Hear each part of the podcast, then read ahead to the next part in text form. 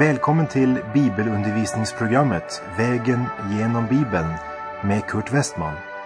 Och vi har nu hunnit till Lukas evangeliet. Slå gärna upp din bibel och följ med.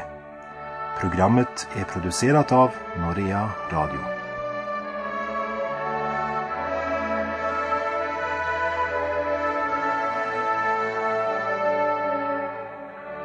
På vår vandring Vägen genom Bibeln har vi nu kommit till Lukas evangeliets andra kapitel som innehåller en av de mest kända textavsnitten i Bibeln. Den som inte läst eller hört något annat från Bibeln har i alla fall kanske hört julevangeliet från Lukas kapitel 2.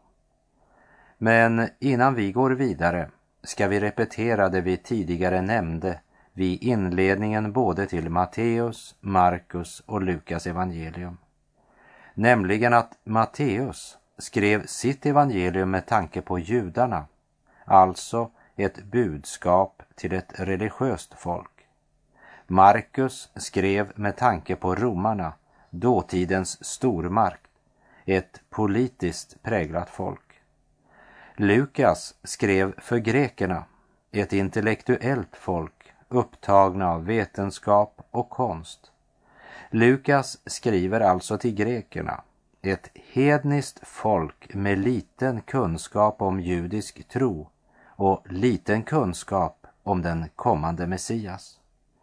Och Dr. Gregory skrev angående grekerna. Grekerna skiljer sig tydligt från andra stora historiska raser genom speciella kännetecken.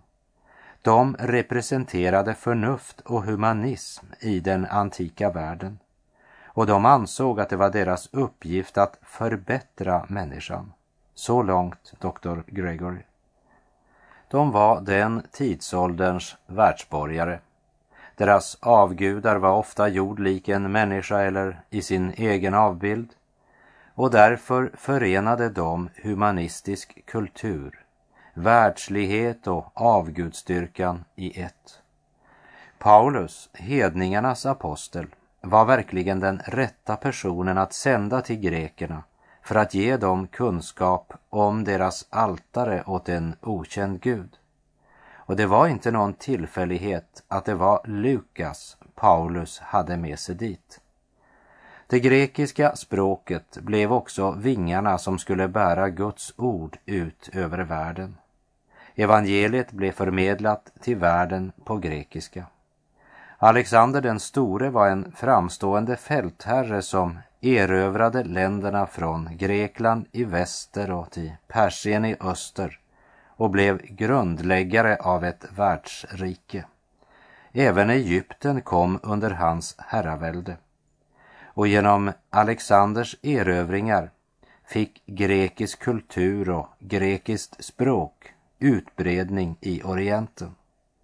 Även i Palestina fick hellenismen stort inflytande och därför bidrog den här tiden på många sätt till att bana väg för evangelium. Gud använde alltså Alexander den store för att göra detta möjligt. Ingenting sker av en tillfällighet. Men därför är alltså Nya testamentets grundtext på grekiska medan Gamla testamentets grundtext är på hebreiska. Och på grund av Alexander den store så byggdes nya städer.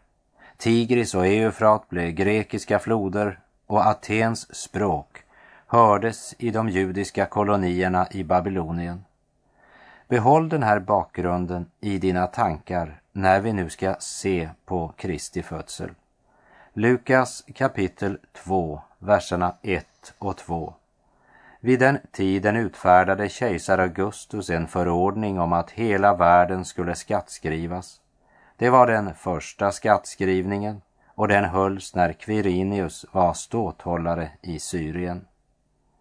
Det finns kanske någon som tänker att när han läser att kejsar Augustus lät skattskriva hela världen, att det romerska imperiet också krävde in skatt i Sverige men det talar om den romerska världen. Det vill säga hela den civilisationen som var ockuperad av det romerska imperiet, det vill säga hela den romerska världen. Vem var Caesar Augustus? Caesar är inget namn, men beskrivningen på en romersk kejsare, eller titel. Han adopterades av Julius Caesar. Hans namn var faktiskt egentligen Octavianus, men han antog hederstiteln Augustus år 27. Och det var ett led i hans taktik att genomföra förändringar. För i namnet Augustus fanns en underton av gudomlighet. Och utöver hela den romerska världen invigde han tempel åt Rom och Augustus. Man visste aldrig riktigt vem man tillbad. Man visste bara att man bad till något högtstående och betydelsefullt. Det är inte någon tillfällighet att doktor Lukas nämner Caesar Augustus, alltså kejsar Augustus. Han var mannen bakom den första skattskrivningen och den blev proklamerad för hela den romerska världen, det romerska imperiet. Han behövde pengar till att bygga upp en armé för att hålla kontroll över sitt stora imperium och kunna leva i lyx. Och vi lägger märke till att Lukas skriver att det var den första skattskrivningen och att den hölls när Quirinius var ståthållare i Syrien. Och vi läser verserna 3 till och med 7. Alla gick då för att skattskriva sig var och en till sin stad och Josef som genom sin härkomst hörde till Davids hus begav sig från Nasaret i Galileen upp till Judeen, till Davids stad Betlehem, för att skattskriva sig tillsammans med Maria, sin trolovade, som väntade sitt barn. Medan de befann sig där var tiden inne för henne att föda och hon födde sin son, den förstfödde. Hon lindade honom och lade honom i en krubba eftersom det inte fanns plats för dem inne i herberget. Josef och Maria reste från Nasaret i Galileen och kom till Betlehem, Davids stad i Judeen. För eh, Josef var av Davids ett. Men eftersom han inte var far till barnet och Gud hade lovat att det skulle komma en av Davids ett, så var det nödvändigt att också Maria var av Davids ett, och det var hon. Det fascinerar mig att läsa Lukas evangeliet. Denna enkla berättelse som i detalj är historiskt riktig och som dessutom innehåller en djup andlig sanning. Caesar Augustus hade planer på att göra sig själv till Gud. Han önskade att alla i det romerska imperiet skulle tillbedja honom. Han gjorde en förordning om skattskrivning som fick en man och en kvinna som var bosatta i Nasaret att resa till Betlehem för att skattskriva sig. I sitt inre bar kvinnan på Guds son, världens frälsare. Det är helt fantastiskt. Denne Caesar Augustus försökte upphöja sig själv till Gud. Men det finns ingen idag som visar honom aktning eller betalar skatt till honom.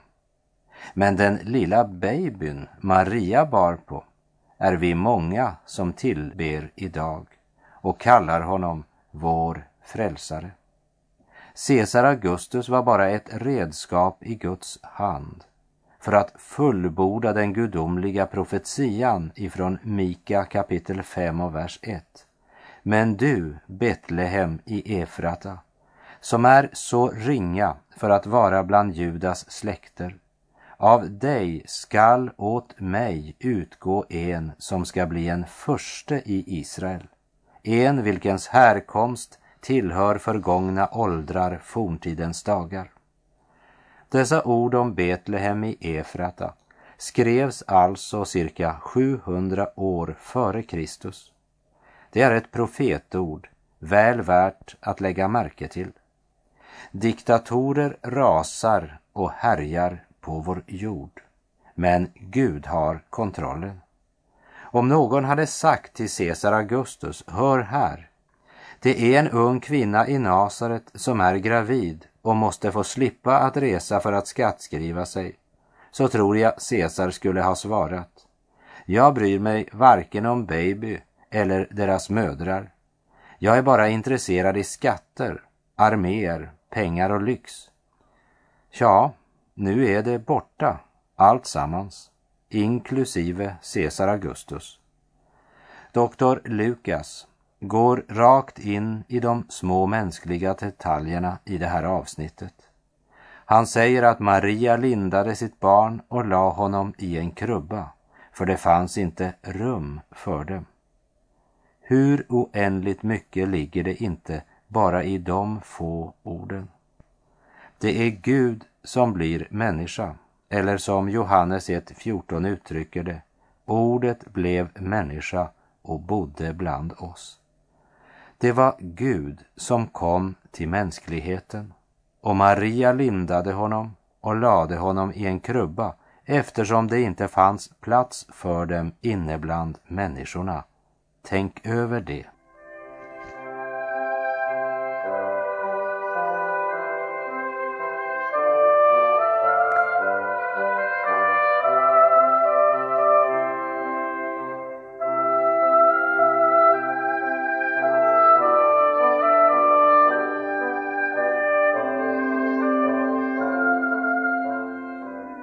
Lukas kapitel 2, verserna 8 till och med 12.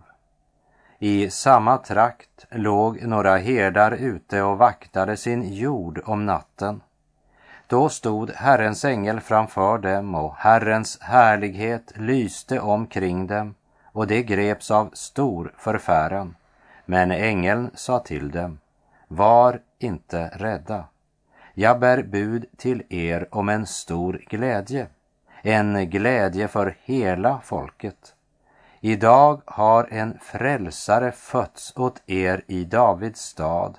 Han är Messias, Herren. Och detta är tecknet för er. Ni ska finna ett nyfött barn som är lindat och ligger i en krubba. Åter sätter Lukas fokus på Gud i mänsklig gestalt. Han kom till vår jord som människa. Gud känner mänskligheten. Gud känner dig och känner mig. Han förstår oss eftersom han kom till jorden som människa. Hebreerbrevet 4.15 säger Vi har inte en överstepräst som är oförmögen att känna med oss i våra svagheter, utan en som har prövats på alla sätt och varit som vi, men utan synd. Men det betyder också att vi kan få veta något om Gud därför att Gud iklädde sig mänsklig gestalt och levde bland oss. Så kom Gud in i denna värld. Han kunde ha kommit så som han ska komma vid sin återkomst med ära, makt och härlighet. Han avklädde sig inte sin gudom, men han avklädde sig all ära och härlighet och lät sig födas in i vår värld i den allra svagaste skepnad som en liten baby. Och vi läser vers 13 och 14. Och plötsligt var där tillsammans med ängeln en stor himmelsk här som prisade Gud. Ära i höjden åt Gud och på jorden fred åt dem han har utvalt. Här är det viktigt att lägga märke till att versen egentligen inte säger att det ska bli fred på jorden, men det säger att på jorden ska de få fred som han har utvalt. På jorden, fred åt dem som han har utvalt. Gud kallar alla människor till frälsning och den som svarar ja på Guds kallelse, han är bland de utvalda. Men det ogudaktiga får ingen frid, säger Herren i Jesaja 48. Vi lever i en sjuk värld, en värld där synden översvämmar oss och krig, hungersnöd, strid mellan etniska grupper, våld, terror och naturkatastrofer är fasta inslag i nyheterna. Därför är det ingen frid eller fred på jorden. Men det finns en fred som är för alla människor som vill omvända sig och tro på Herren Jesus. Och om du är en av dem som har kommit till Jesus och mottagit honom som din personliga frälsare, då känner du denna fred. Som Guds ord uttrycker på följande sätt i Romarbrevet 5.1. Då vi nu har gjorts rättfärdiga genom tro har vi frid med Gud genom vår Herre Jesus Kristus. När Kristus kom till jord den första gången var detta den fred han bringade oss. När Jesus kommer igen ska han komma som fredens konung. Då ska han krossa all orättfärdighet och alla uppror. Då ska alla knän böja sig och alla människor bekänna att Jesus är Herre. Han ska då upprätta fred på jorden. Men tills den dagen kommer, kommer det inte att vara någon fred på jorden. Jag vet inte vad herdarna tänkte när de först fick se en ängel som förkunnade ett revolutionerande budskap och som därefter säger att tecknet är ett litet nyfött barn. Och så ser de en himmelsk härskara och hör dem sjunga. Det var mycket på en gång. Och det står också att de blev förskräckta. Ja, det var ju nästan otroligt det som skedde. Men lägg nu märke till vad som sker efter att änglarna har återvänt till himlen. Vers 15 och 16. När änglarna hade farit upp ifrån dem till himmelen sade herdarna till varandra. Låt oss gå in i Betlehem och se det som Herren har låtit oss veta. De skyndade iväg och fann Maria och Josef och det nyfödda barnet som låg i krubban. Först hörde de ett otroligt budskap. Vad gör de med det? Ja, de gör sig besväret att gå till Betlehem. De tar sig tid att undersöka om det de hört är sant. Det vill säga, de handlar. Och handlingen bygger på budskapet de hört. De söker och de finner. De fick personligen se att det förhöll sig så som de hade hört av ängeln. Genom att handla i tro fick de uppleva stadfästelsen. Och vad blev så resultatet? Vers 17 till och med 20. När de hade sett berättade de vad som hade sagts till dem om detta barn. Alla som hörde det häpnade över vad herdarna sa. Maria tog allt detta till sitt hjärta och begrundade det. Och herdarna vände tillbaka och prisade och lovade Gud för vad de hade fått höra och se. Allt var så som det hade sagts dem. Eftersom Jesus föddes in i världen som en människa var han också född under Mose lag. Och därför blev det också i allt gjort med honom som lagen föreskriver. Vi läser verserna 21 och 22. När åtta dagar hade gått och man skulle omskära pojken fick han namnet Jesus, det som ängeln hade gett honom innan hans mor blev havande. När tiden var inne för deras rening enligt Mose lag tog de honom till Jerusalem för att bära fram honom inför Herren. Efter födseln blev en kvinna räknad som oren i 40 dagar. Också jungfrun Maria var en syndare och måste bära fram offer inför Herren. Hon behövde en frälsare, som hon sa i sin lovsång. Och i vers 23 och 24 det står nämligen i Herrens lag att varje förstfödd av mankön skall helgas åt Herren och för att offra två turturduvor eller två unga duvor så som det är föreskrivet i Herrens lag. Maria och Josef offrade två turturduvor, vilket är ett bevis på att de var fattiga, som vi minns ifrån offerföreskrifterna vi genomgick i tredje Mosebok. Offret var för Maria och inte för barnet. Så vitt vi vet frambar han aldrig något offer.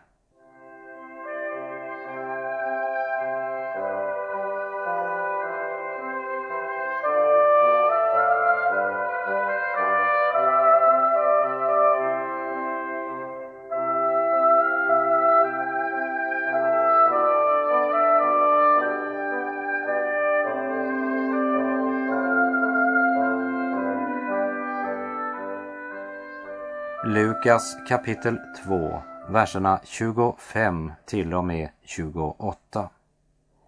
I Jerusalem fanns en man vid namn Simeon som var rättfärdig och from och som väntade på Israels tröst.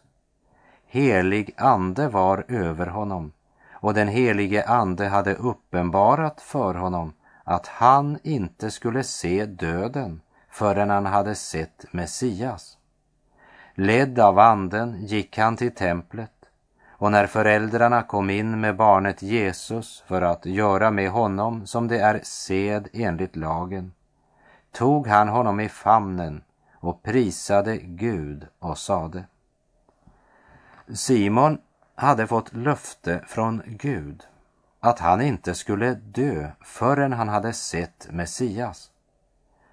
På den här dagen då Maria och Josef kommer med Jesus för att omskära honom i templet, då blir Simon ledd av anden till templet där Jesus nu är. Och vad får han se? Han ser en åtta dagar gammal baby. Frälsningen är en person och inte något du gör. Frälsningen är en person och den personen är Herren Jesus Kristus. Som Johannes säger i sitt andra brev kapitel 5 och vers 12. Den som har sonen, han har livet. Den som inte har Guds son har inte livet. Har du Guds son idag?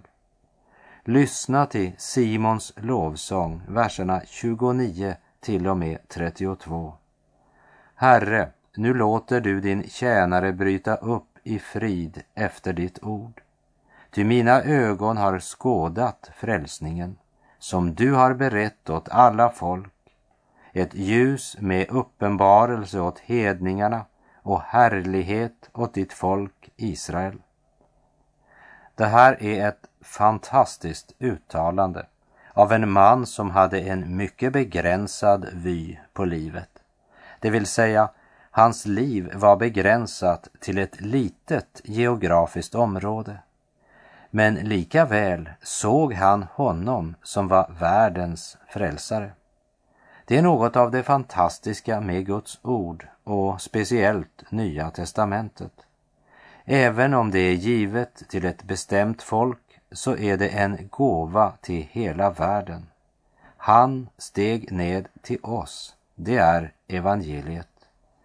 Religion är människans strävan, människans väg till Gud. Kristendom är att Gud stiger ned till människans nöd.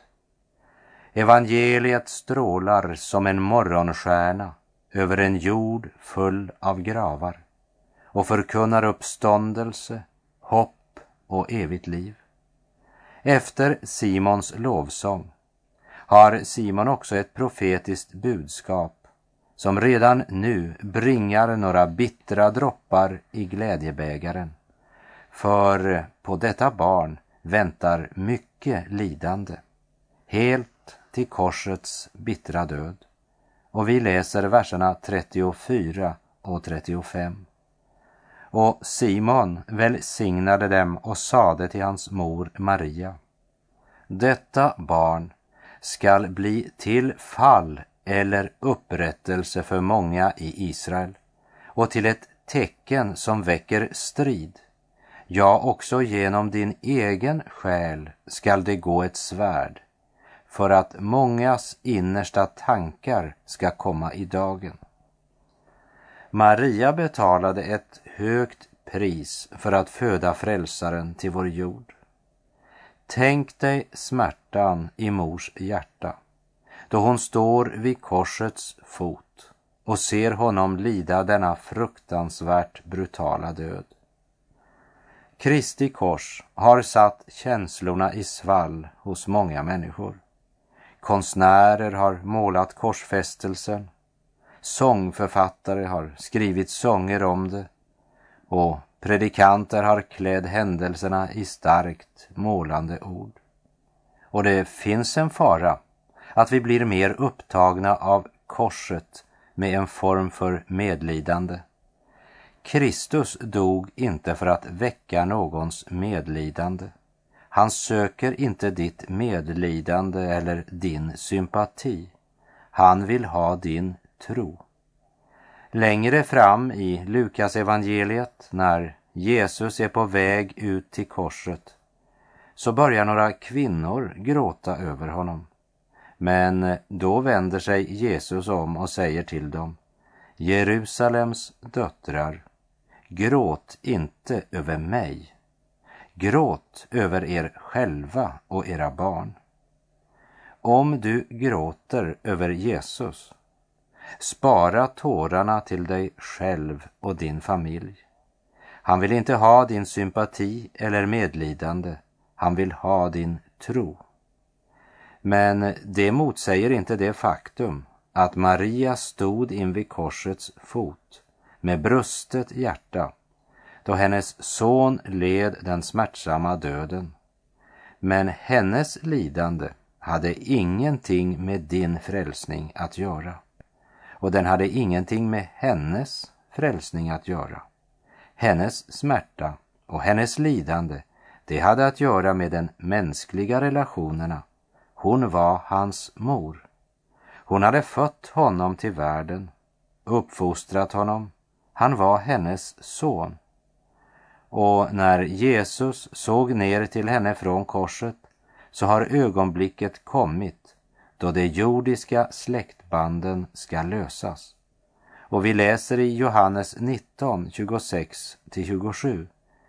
När Jesus såg sin mor och bredvid henne den lärjunge som han älskade sade han till sin mor, kvinna, där är din son. Sedan sade han till lärjungen, där är din mor. Från den stunden hade hon sitt hem hos lärjungen. Efter sin död och uppståndelse står Jesus i samma förhållande till Maria som till alla andra som tror på honom. Han är hennes frälsare. Det är Marias förhållande till Jesus idag. Jesus är den som har dött och uppstått för Maria för dig och för mig, ja, för hela världen. Jesus för världen givit sitt liv, öppnade ögon, Herre, mig giv. Och med det så får jag säga tack för den här gången. Herren vare med dig. Må hans välsignelse vila över dig. Gud är god.